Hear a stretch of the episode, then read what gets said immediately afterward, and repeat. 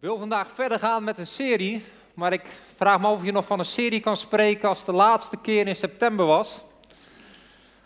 Maar in september ben ik begonnen met geloof als Abraham.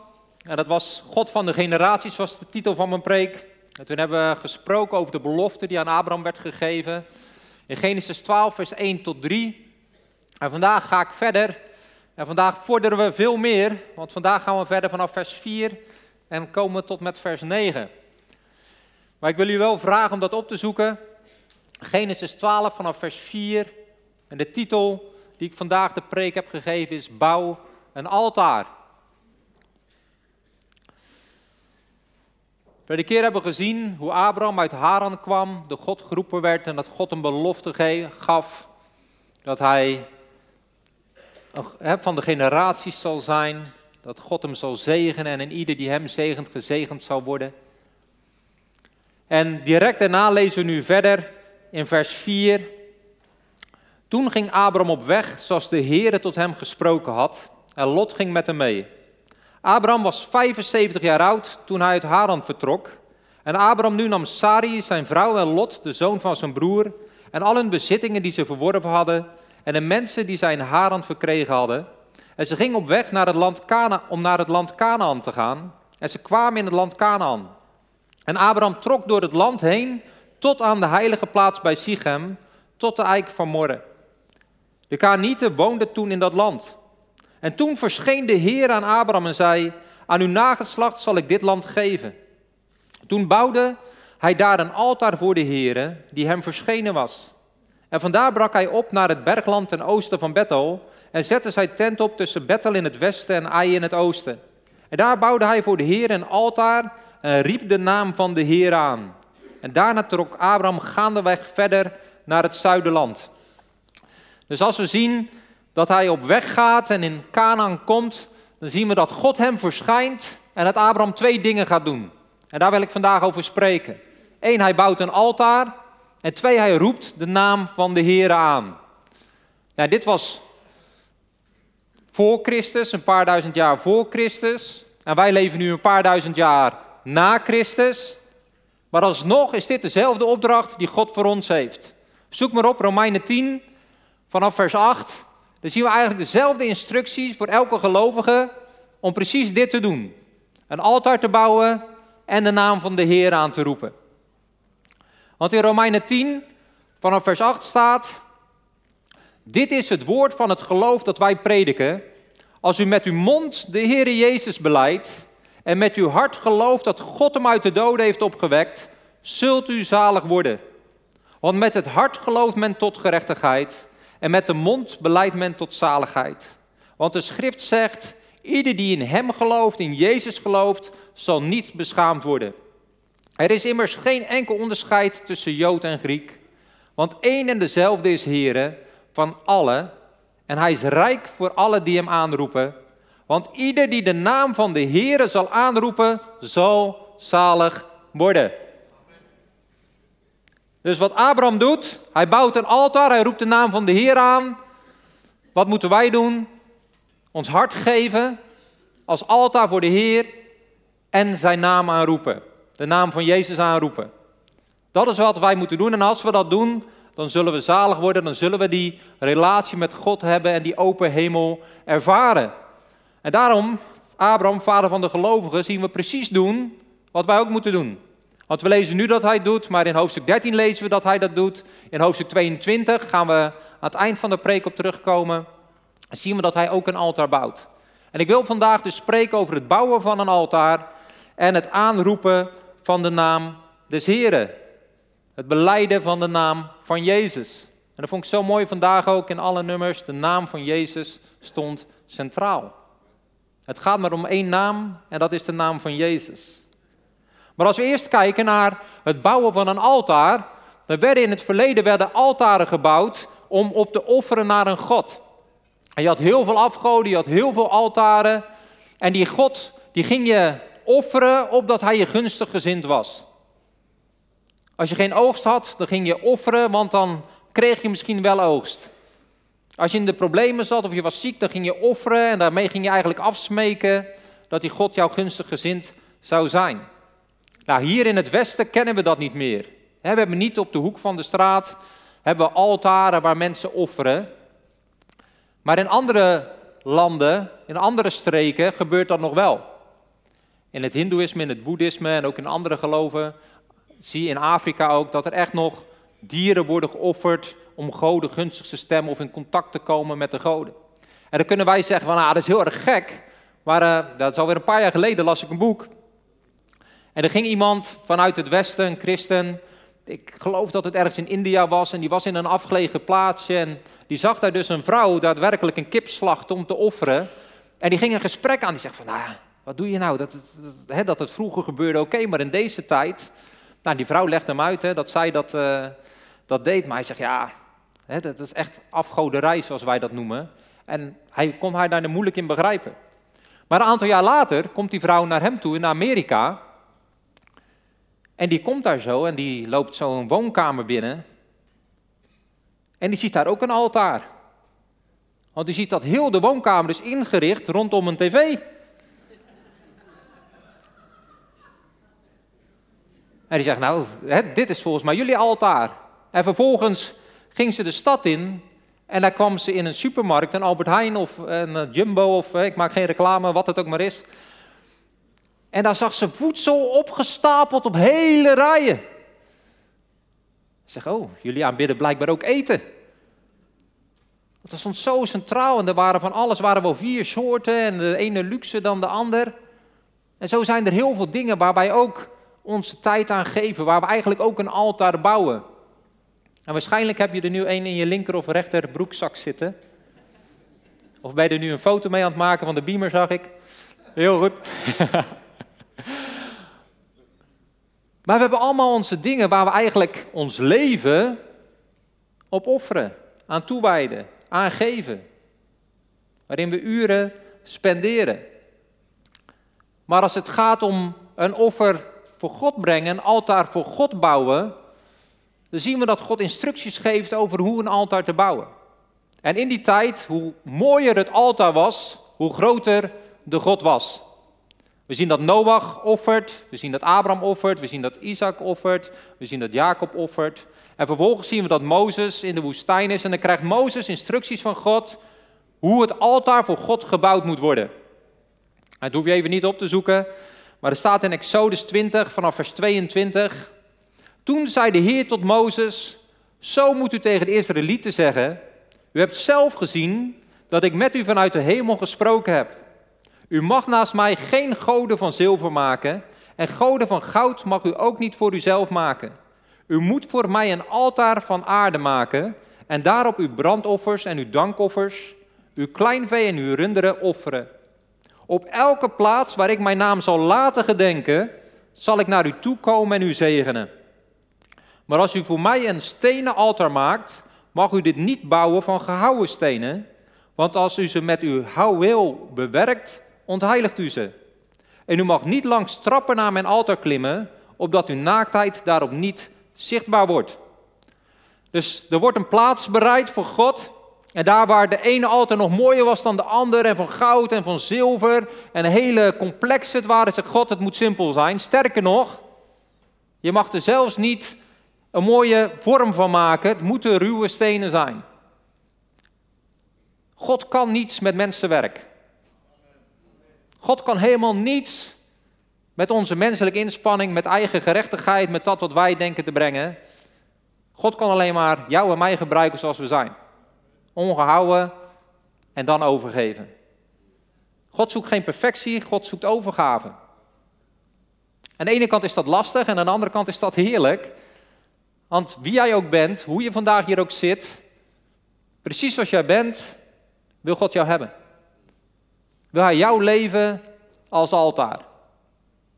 Want dat is als we verder gaan kijken, en we kunnen nu niet heel de Bijbel doorgaan, maar dan zien we vervolgens dat God tegen Mozes zegt van, goh, je moet een tabernakel gaan bouwen.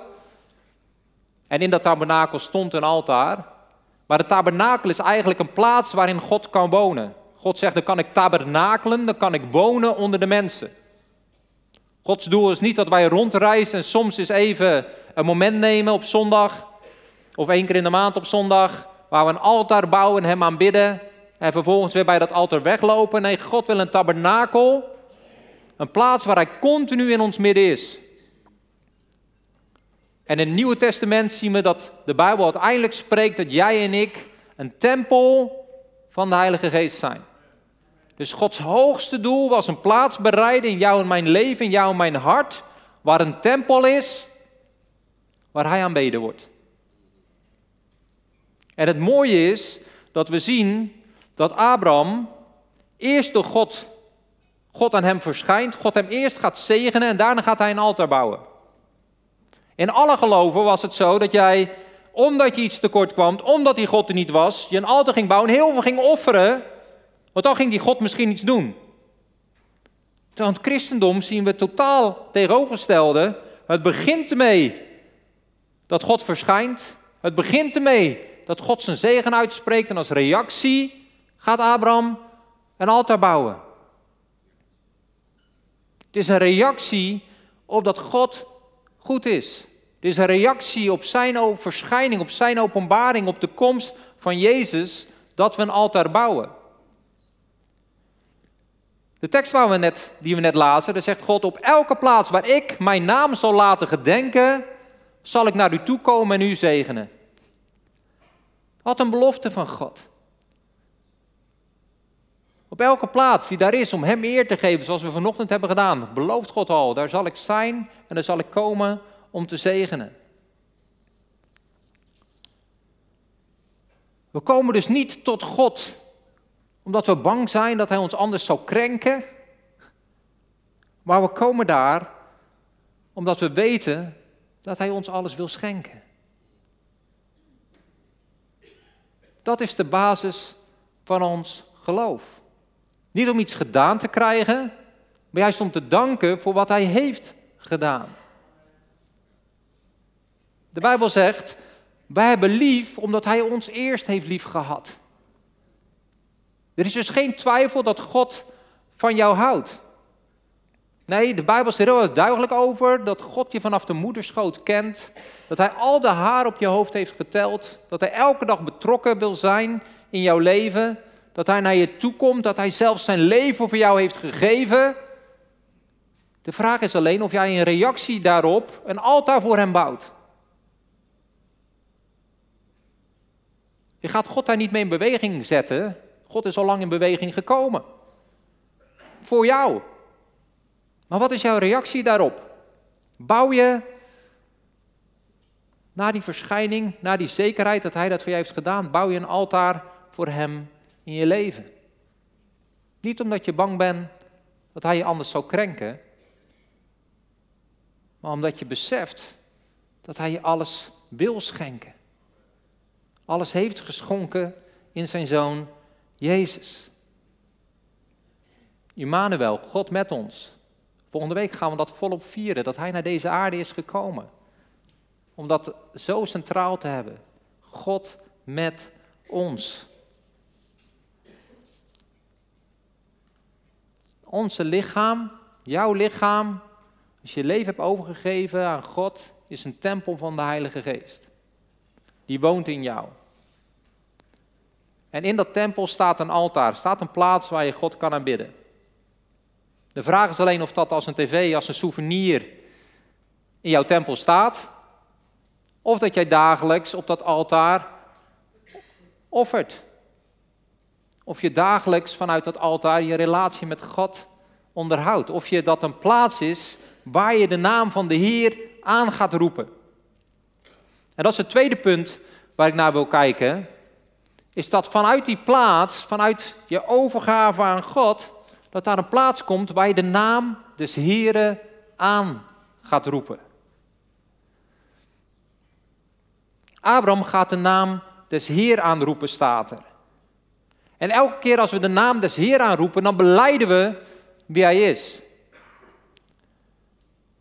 En Abraham is een voorbeeld van de gelovigen en toch kende hij God nog niet bij de naam waar wij God bij kennen.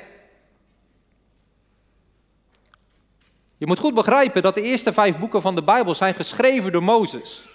Dus achteraf heeft Mozes geschreven en hij riep de naam des Heren aan. Maar Abraham kende die naam des Heren niet. En gaan we even wat dieper op in. Er staat in Exodus 6, vers 2 en 3. Toen sprak God tot Mozes en zei tegen hem: Ik ben de Heere, dat is de naam Yahweh. Ik ben aan Abraham, Isaac en Jacob verschenen als God de Almachtige, dat is als El. Maar met mijn naam Heere ben ik u niet bekend geweest. Nou, waarom staat er dan toch, hij riep de naam des Heeren aan, omdat Mozes later heeft opgeschreven dat toen Abraham de naam des Heeren aan het aanroepen was, alleen Abraham zelf kende God alleen nog bij de naam El. Dus hij riep de Almachtige aan. En dat is zo mooi in de genade van God. Daarna gaat God zich steeds meer openbaren. Gaat God zich openbaren als Heere. Nou, dat doet God in Exodus 3 vanaf vers 13. Als je dat even op wil zoeken.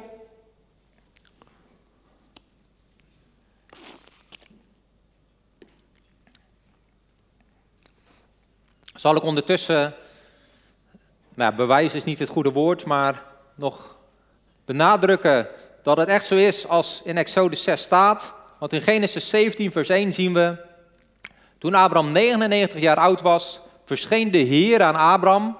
He, dan heb je die naam Heere, die Mozes dus beschrijft. Maar, en hij zei tegen hem, ik ben God de Almachtige, wandel voor mijn aangezicht en wees oprecht. Dus Abraham kende God als God de Almachtige. En dat is God. Maar God heeft zich niet alleen als de sterke, de machtige willen openbaren. Nee, hij heeft zich willen openbaren als Yahweh.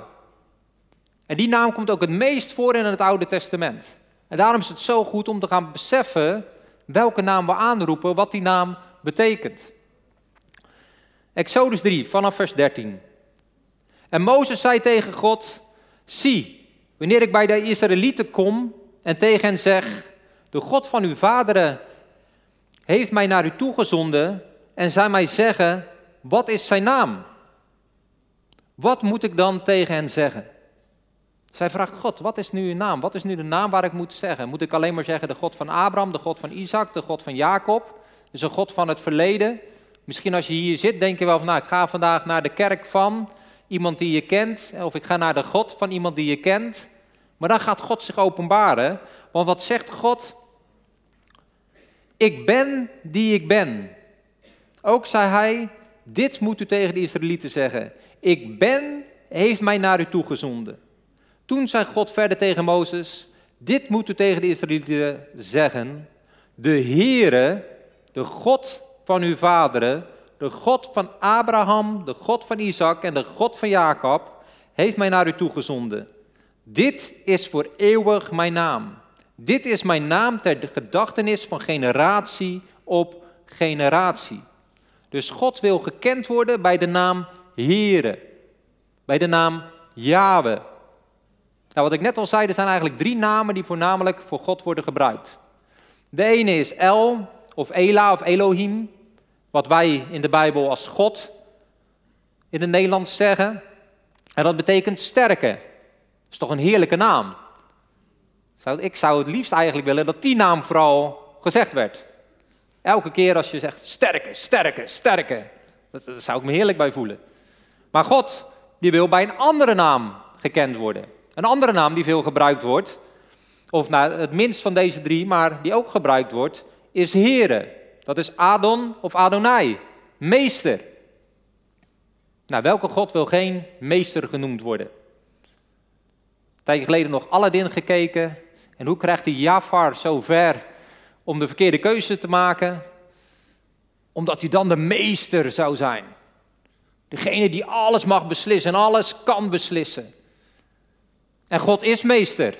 God is schepper. God is almachtig. Maar God zegt, ik wil vooral gekend worden en ik moet altijd gedacht worden aan mij als Yahweh. En wat betekent dat? Dat betekent, ik ben die ik ben, die zichzelf openbaart, die er is voor jullie. Dus elke keer dat wij de naam van God aanroepen, elke keer als de naam Yahweh werd aangeroepen, er werd er niet geroepen sterke. Er werd er niet geroepen meester. Maar er werd er geroepen u, die zich openbaart en die die voor mij is. Besef je dat? Dat elke keer als jij God aanroept, je hem al herinnert en hij herinnerd wil worden aan het feit dat hij zegt, ik openbaar me, ik ben er voor jou. Hij is de sterke, hij is de meester. En dat is vaak, hè, degenen die daar onzeker over zijn, die willen het het meest genoemd worden. Degene die weet dat hij toch wel de meester van het universum is, die heeft helemaal niet nodig dat hij daar continu aan herinnerd wordt. Nee, het enige wat hij wil, is dat we ons continu, als we zijn naam roepen, beseffen en gedenken dat hij er voor jou en voor mij wil zijn. Dat is God, dat is de aard van God, dat is wie God werkelijk is. Al toen wil hij de, bij die naam geopenbaard worden. We zien dat Jezus het volmaakte plaatje van God laat zien. En we zien ook dat Jezus, dat het nooit om Jezus draait. Dat Jezus nooit een troon voor zichzelf bouwt. Nee, hij gaat juist aan het kruis voor jou en mij. Hij is continu bezig om anderen te helpen. Nergens zien we dat hij eist, aanbid mij. Twee keer openbaart Jezus dat hij God is. Dat hij de ik ben is. Eén keer zien we dat in Johannes 8. En dan zegt Jezus, voorwaar, voorwaar, ik zeg u, voor Abraham geboren was, ben ik. Zegt hij eigenlijk, ben ik die Almachtige, ben ik die Yahweh. De reactie is, ze namen dan stenen op om ze op hem te werpen, maar Jezus verborg zich en ging de tempel uit. Hij ging midden tussen hen door en zo ging hij weg. Een andere keer, dat is op het moment dat Jezus gevangen genomen wordt om gekruisigd te worden. En daarin zien we dat hij alle macht had om dat te voorkomen. Dan zegt hij, ik ben het, staat er bij ons, maar eigenlijk zegt hij daar, ik ben. En op het moment dat hij dat zei, viel heel dat leger, dijsde ze terug en viel op de grond. Dus Jezus openbaart zich als God. En de directe reactie is dat iedereen moet buigen. Dat zou je ook merken als God, we hebben het gezongen, is heilig. En we hebben zo'n voorrecht dat we in zijn aanwezigheid mogen komen. Maar in zijn aanwezigheid komen we op onze knieën. Omdat we beseffen dat hij is almachtig.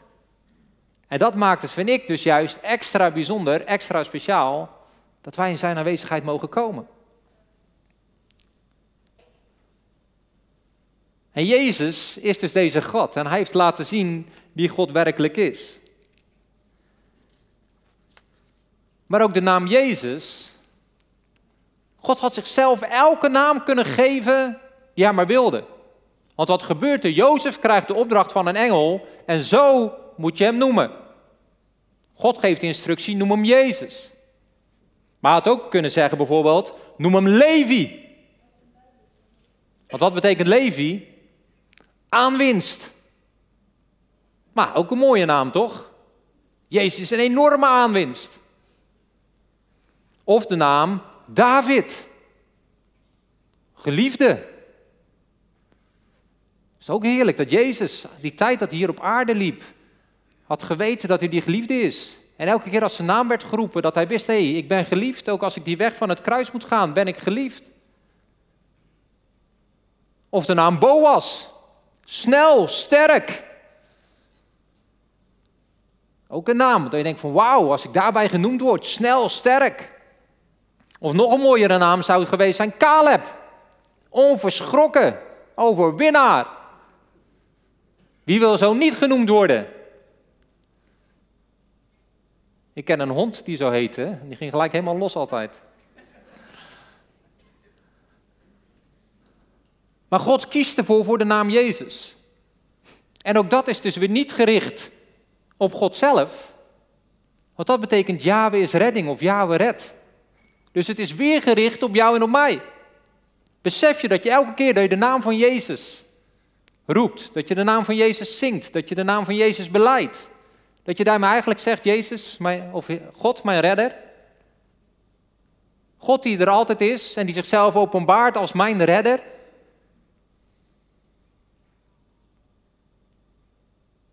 Hij is jouw redder. Hij is redding. En elke keer als we zijn naam aanroepen, dan proclameren we dat. En zo leer je God dus ook echt kennen zoals hij werkelijk is. Puur alleen al in zijn namen zie je wie hij werkelijk is. Wij denken, ja, Jezus, logisch, Jezus. Maar God had elke naam kunnen geven aan hem die hij maar wilde. Maar hij koos voor Jezus, omdat hij wil benadrukken dat hij er voor je is, dat hij je redder is.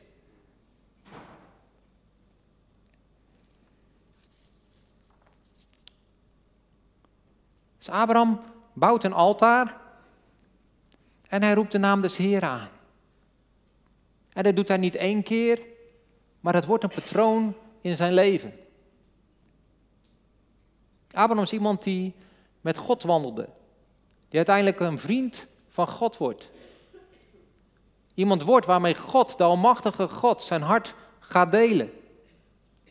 En dat is Gods verlangen voor een ieder van ons.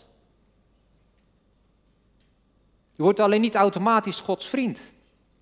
Dat ontwikkelt zich door een relatie die je met Hem hebt. Door de tijd die je met Hem doorbrengt. Door in je hart Hem continu weer ervoor te kiezen om Hem te geloven en weer met je mond Hem te beleiden dat Hij je Heer is. En we gebruiken daarvoor de term overgave, surrendering.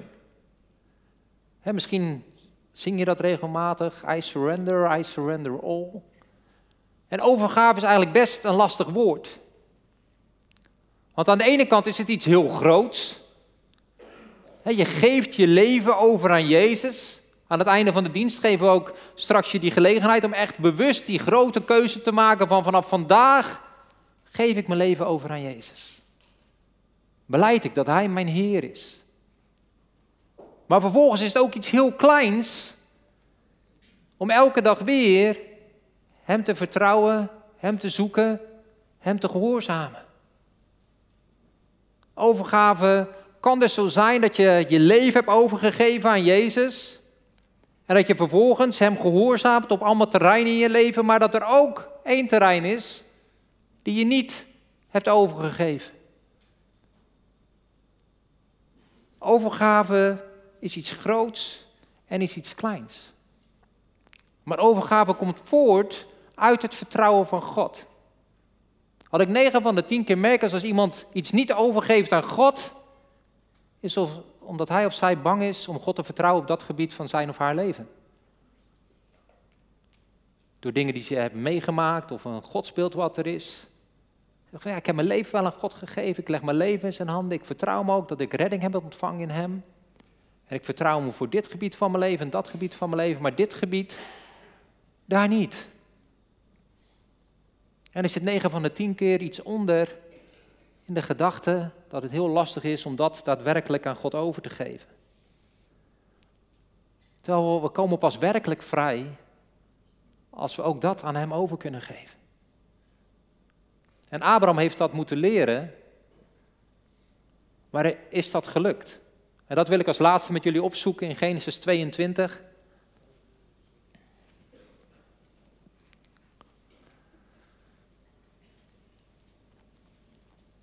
Waaraan uit blijkt dat Abraham door de jaren heen God echt volledig is gaan vertrouwen.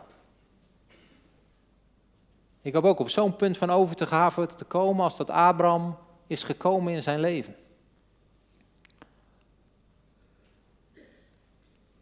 Genesis 22 start met de zin en het gebeurde na deze dingen dat God Abraham op de proef stelde en hij zei tegen Abraham, hij zei, Abraham.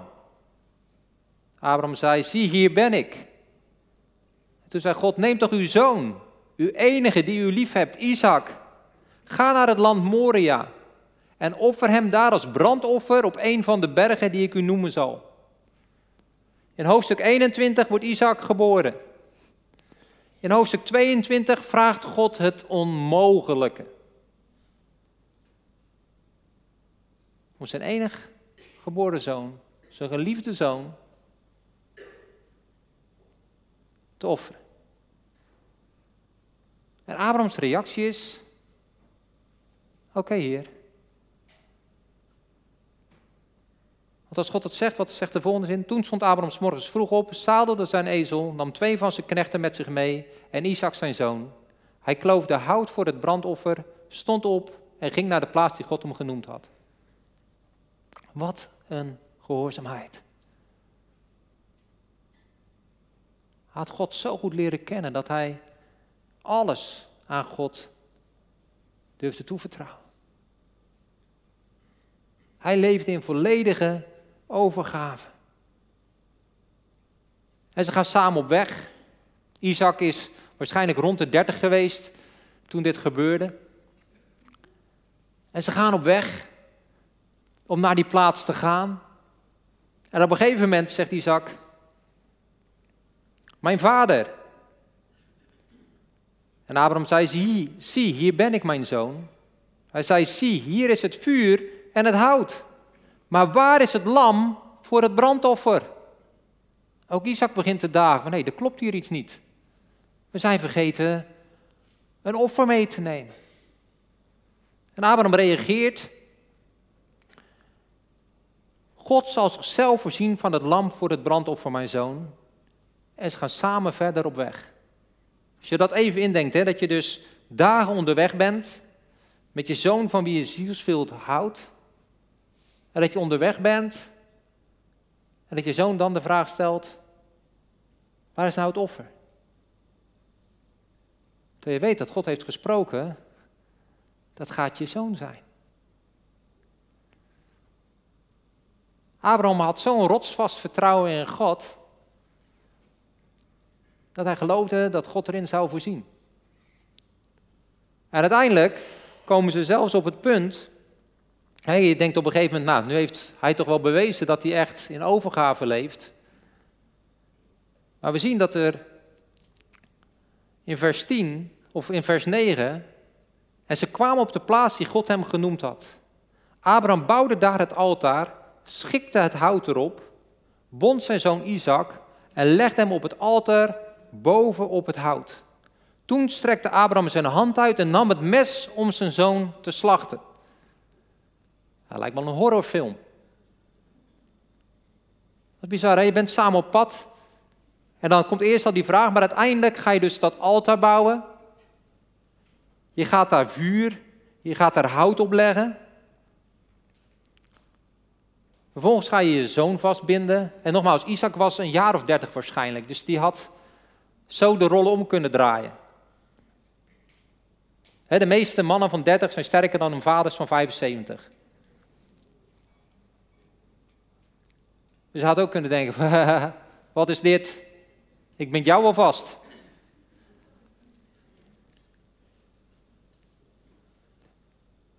En hij legt zijn zoon daarop de altaar en hij staat zelfs klaar met een mes. Zo dichtbij komt het, hè? Om zijn zoon te doden. En pas op dat moment spreekt God. Maar de engel van de Heer riep tot hem vanuit de hemel en zei: Abraham, Abraham. En weer zegt Abraham: Zie, hier ben ik. Zie ik continu terugkomen in dit hoofdstuk. Toen zei hij: Steek uw hand niet uit naar de jongen en doe hem niets. Want nu weet ik dat u godsvrezend bent en uw zoon, uw enige, mij niet onthouden hebt. Toen sloeg Abraham zijn ogen op en keek om en zie, achter hem zat een ram met zijn horens verstrikt in het struikgewas. Abraham ging erheen, nam die ram en offerde hem als brandoffer in plaats van zijn zoon. En Abraham gaf die plaats de naam, de Heere zal erin voorzien. Daarom wordt heden ten dagen gezegd, op de berg van de Heere zal erin voorzien worden. En daarna gaat God hem zegenen. Dus waar hij denkt alles te geven, krijgt hij eigenlijk alles. Waar hij denkt zijn zoon te offeren, ontvangt hij de zoon. Dit is de berg waar Jezus is gekruisigd. En als je heel dat verhaal doorgaat, zie je aanwijzing na aanwijzing na aanwijzing dat God hier al van plan is om uiteindelijk wel zijn eigen zoon te geven. En dat het dus ook niet zo is, wat ik al eerder een keer in de preek heb gezegd, dat God een vrede vader is die zijn zoon heeft gegeven, maar dat zijn zoon Jezus volledig heeft ingestemd om zichzelf ten offer te geven. Want Isaac had zo de rol om kunnen draaien. Nee, Jezus heeft er bewust voor gekozen. En Abraham heeft hier echt God ontdekt. Op dat punt van volledige overgave. En wat ons vaak weerhoudt van overgave is dat we bang zijn iets te verliezen. Terwijl uiteindelijk God ons juist alles wil geven. Juist in overgave gaan we dat ontdekken. Gaan we ontdekken dat God geen offers eist, maar dat God zichzelf geofferd heeft. In Hebreeën 10 staat dat Jezus zegt bij zijn komst in de wereld, waar we volgende week weer uitgebreid stil gaan staan en gaan vieren. Slachtoffer en graanoffer hebt u niet gewild, maar u hebt voor mij een lichaam gereed gemaakt. Brandoffers en offers voor de zonde heeft u, hebben u niet behaagd. Toen zei ik, zie, ik kom. In de boekrol is over mij geschreven, om uw wil te doen, o God. Daarvoor had hij gezegd, slachtoffer en graanoffer en brandoffer en offers voor de zonde heeft u niet gewild en ze hebben u niet behaagd. Hoewel zij overeenkomstig de wet worden gebracht. Maar daarna sprak hij, zie, ik kom om uw wil te doen, o God. Hij neemt het eerste weg om het tweede daarvoor in de plaats te zetten. Op grond van die wil zijn wij geheiligd door het offer van het lichaam van Jezus Christus, eens en voor altijd gebracht. Jezus heeft de gehoorzaamheid gebracht die nodig was. Waardoor we nu geen nieuwe tempel hoeven te bouwen, niet opnieuw hoeven te offeren. Waarom? Omdat Jezus het offer eens en voor altijd heeft gebracht. En er is een nummer wat ik de laatste weken op repeat heb. En wat zo belangrijk is dat we daar continu van doordrenkt zijn. En dat is het nummer heet Het bloed van Bethel. Ik wil even een klein stuk eruit voor, nou ik zal niet zingen, maar voorlezen. Oh, dus laat het maar overspoelen. Laat het over me heen komen. Het ging nooit om prestaties, perfectie of het streven naar acceptatie. Laat me je vertellen. Het is alleen door het bloed. Het ging nooit om verdienen. Het is geschenk dat gratis wordt gegeven. Laat me je vertellen. Het is alleen door het bloed. Wil iemand heilig, rechtvaardig zijn? Gezuiverd en vlekkeloos. Laat me je vertellen, het is alleen door het bloed. Wil iemand waardig zijn, vergeven, gerechtvaardigd, echt levend? Laat me je vertellen, het is alleen door het bloed. Ik wil de band vragen om naar voren te komen. Het is alleen door het bloed van Jezus. Dat wij gerechtvaardigd worden, dat we geheiligd worden. Dat we in relatie met God kunnen zijn, dat we in dit leven overwinnaar kunnen zijn. Wat kunnen wij dan nog doen? Het enige wat wij nog kunnen offeren is onszelf, onze overgave aan God. In het groot en in het klein. Overgave is dus ook geen last, maar het bevrijdt je van ballast. Overgave lijkt vaak zo moeilijk, totdat we beseffen dat het alleen door het bloed is. Dat het zo'n God is die het beste voor heeft met jou en mij. Dat het niet gaat om verdienen, om perfectie, om prestatie. Niet om streven naar acceptatie. Maar dat het gaat om het bloed van Jezus. Overgave is geen last, God vraagt dat niet als een bed, maar omdat Hij je wil bevrijden van alle ballast die je met je meedraagt. Als God overgave vraagt in een bepaald gebied van je leven, wil Hij dat. Omdat Hij je vrij wil maken.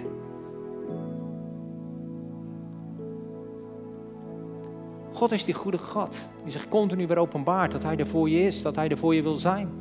Dat Hij jouw redding is. En Hij vraagt je overgave, omdat je werkelijk vrij kunt zijn. Dat je werkelijk in Zijn aanwezigheid kunt leven. Dat je werkelijk kunt ervaren dat Hij je lief heeft. Dat Hij ook in dat gebied van je leven degene is die daar leven in wil schenken. Die daar zijn leven in wil laten stromen. Ik wil je vragen om een moment te komen staan.